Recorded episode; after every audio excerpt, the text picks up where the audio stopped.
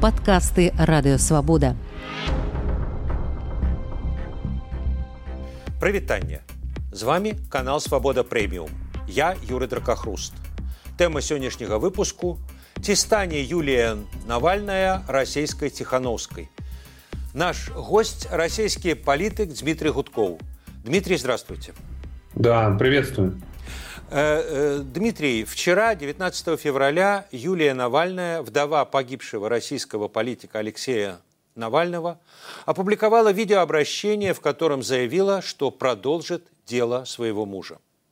Я буду продолжать дело Алексея Навального, продолжать бороться за нашу с вами страну, и я призываю вас стать рядом со мной, разделить не только горе и бесконечную боль, которая окутала нас и не отпускает – я прошу вас разделить со мной ярость. Ярость, злость, ненависть к тем, кто посмел убить наше будущее. Я обращаюсь к вам словами Алексея, в которые очень верю.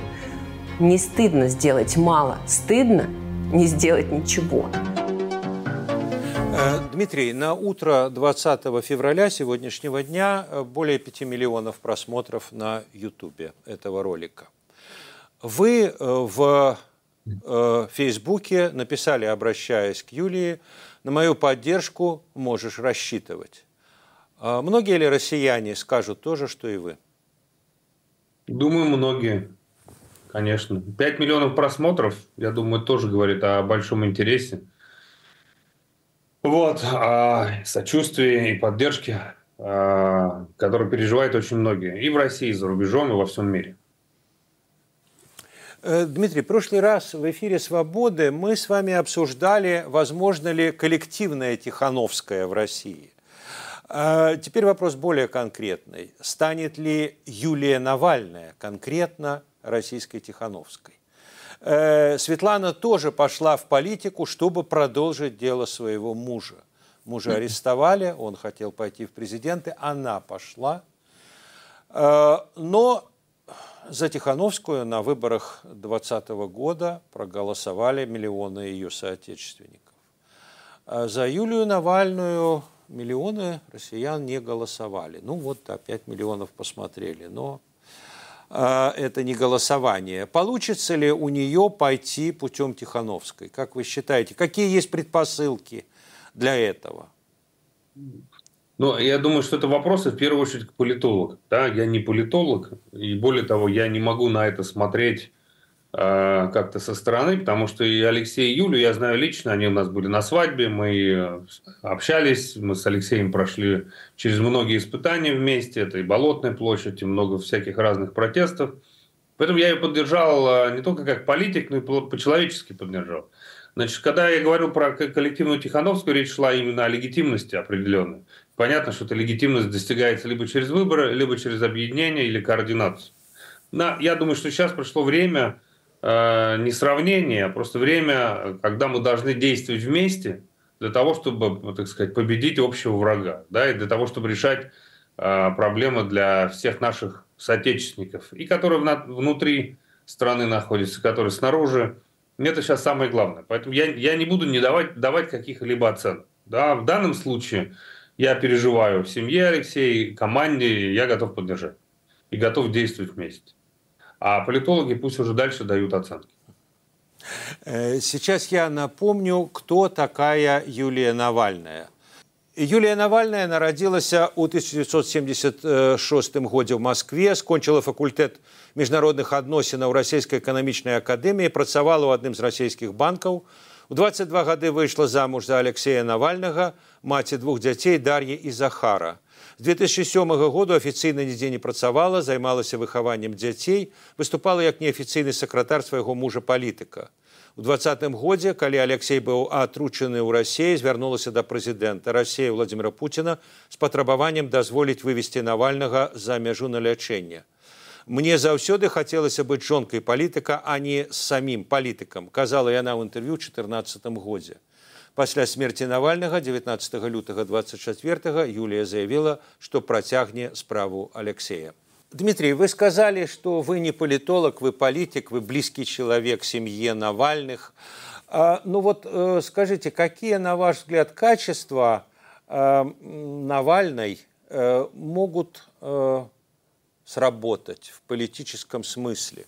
Вот я читал, что в 2018 году, когда Навального не зарегистрировали, Ксения Собчак предлагала ему выдвинуть Юлию. И тогда Алексей сказал, голоса не передаются той ситуации они, возможно, не передавались, а теперь, может быть, и передаются. А почему? Вот э, это все, что вы меня спрашиваете, это все к политологу. Да? Я не буду никаких давать оценок. Но это просто даже некорректно мне это делать, когда семья переживает такую трагедию. Во-первых, какие голоса? Нет у нас никаких выборов. Поэтому про голоса можем забыть, про выборы мы можем забыть. Да? Сейчас есть моральный авторитет. Вот моральные авторитеты, люди, которые э, выступают против войны, против диктатуры, которые хотят лучшего будущего для России, должны действовать вместе. Кому потом какие достанутся голоса, это дело далекого будущего, когда будут выборы, когда каждый пойдет со своей программы, и вообще не факт, захочет ли пойти Юля или мы захотим пойти. Может быть, появятся какие-то другие лидеры, которые будут принимать участие. Сейчас не до выборов и не до голосов. Да? Вот. А кому чего передается, это опять-таки вопросы к политологам, наверное, э, тогда, когда мы будем выборы обсуждать. Сейчас нет никаких выборов. Ну какой смысл это обсуждать сейчас? Э, ну, тогда вопрос может быть э, к вам как к политику. Вы хорошо знаете российское политическое сообщество.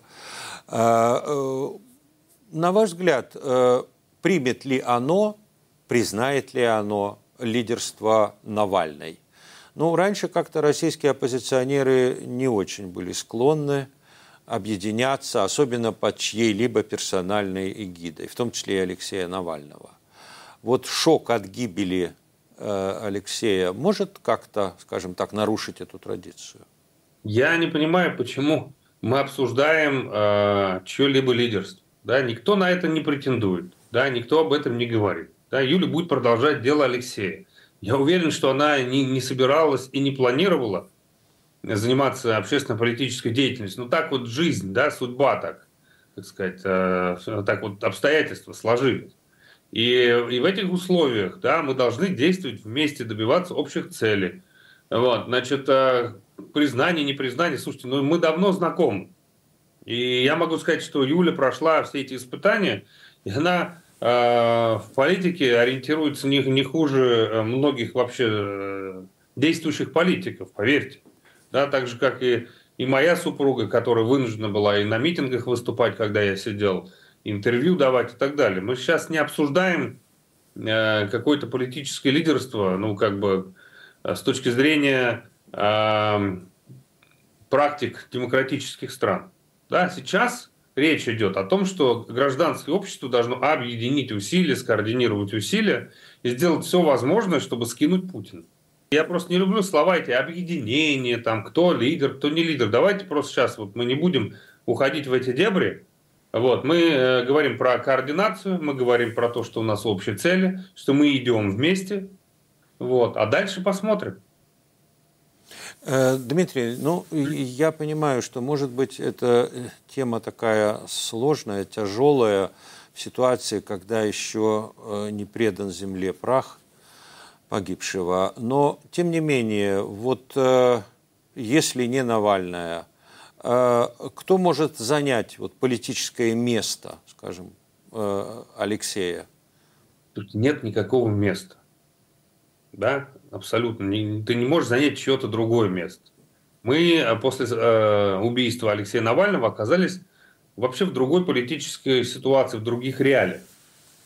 Да, и там нет никаких мест. Да, все места есть только либо в тюрьме, либо в эмиграции, либо в автозаке. Для того, чтобы появились хоть какие-то места, да, для начала нужно добиться каких-то позитивных изменений в стране. И тогда мы уже можем делать, делать э, там, политические партии создавать, места делить. Сейчас делить нечего абсолютно. Поэтому э, я вообще сторонник того, чтобы была парламентская республика, чтобы было много лидеров, чтобы была коллегиальное, как бы коллегиальное или коллективное управление страной. Я выступаю за это. Мы не ищем царей, понимаете? И мы ничего не делим. У меня э, понятные цели. Я, может быть, вообще и э, будущего, может быть, никакого будущего ни для кого для нас политического нет, понимаете? Мы сейчас не про какие-то портфели, не про какие-то места. Сейчас основная задача ну, как людей спасать, э, условия менять, да, готовить какие-то э, возможности для изменений в стране. А если они вдруг будут созданы, да, после больших усилий всех нас вместе взятых, то тогда, может быть, многие из нас даже не захотят участвовать в выборах. Кто-то уйдет и будет заниматься своей жизнью какой-то, своей профессией. Ну, потому что политиками становятся вынуждены, понимаете? Я вообще по образованию журналист. Но где я могу работать как журналист? В России все закрыто, цензура тотальная. Вот. А, и многие другие люди, которые пришли в политику, вынуждены. Потому что невозможно терпеть этот преступный режим. Ну, давайте сначала мы победим режим, да, а потом пусть каждый сам определится, кто хочет быть лидером, кто хочет в Думу, кто хочет еще куда-то.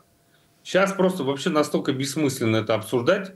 Сейчас надо людей спасать. Крамурзу спасать, Яшина, там, Горинова и всех остальных, кто находится в заложниках у этого режима. Вот какая задача. Поэтому а, то, что вы хотите у меня спросить, это разговор для, знаете, как бы для политологов, которые могут что-то анализировать э, с позиции сегодняшнего дня. А когда будут какие-то места, выборы, должности партии, будет совершенно другая политическая ситуация. Там, может быть, новый лидер появится. Когда это будет? Через 5 лет, через 10 или завтра? Ну и какой смысл э, обсуждать э, перспективы тех или иных политиков, когда мы вообще не понимаем, если они вообще, если перспективы у страны. А вот как раз э, у меня следующий вопрос про перспективы страны, про возможности, о которых вы говорили, уже о России, не, не о политическом сообществе. Э, ну вот все видели э, очереди, которые стояли для того, чтобы подписаться за антивоенного, так или иначе, антивоенного кандидата Бориса Надеждина. И это очень напомнило Э, очереди, которые в 2020 году, летом 2020 года стояли в Беларуси, чтобы подписаться за оппозиционных кандидатов Бабарыку, Цепкала, Тихановскую.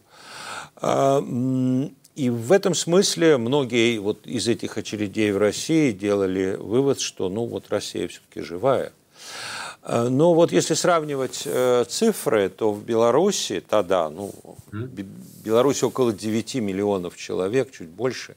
Ну, тогда только за Бабарыка подписалось 600 тысяч. Ну, а в 147-миллионной России э, за Надеждина, по-моему, чуть больше 100 тысяч, 120. Ну, вот как бы такая пропорция.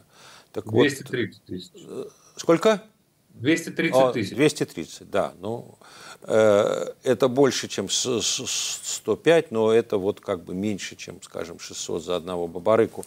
Э, ну, в данном случае я не к тому, чтобы вот как бы мериться там подписями, а вопрос, а вот есть та Россия, сколь велика та Россия, э, которую, ну вот в частности, Юлия хотела бы представлять, которую вы хотели бы представлять?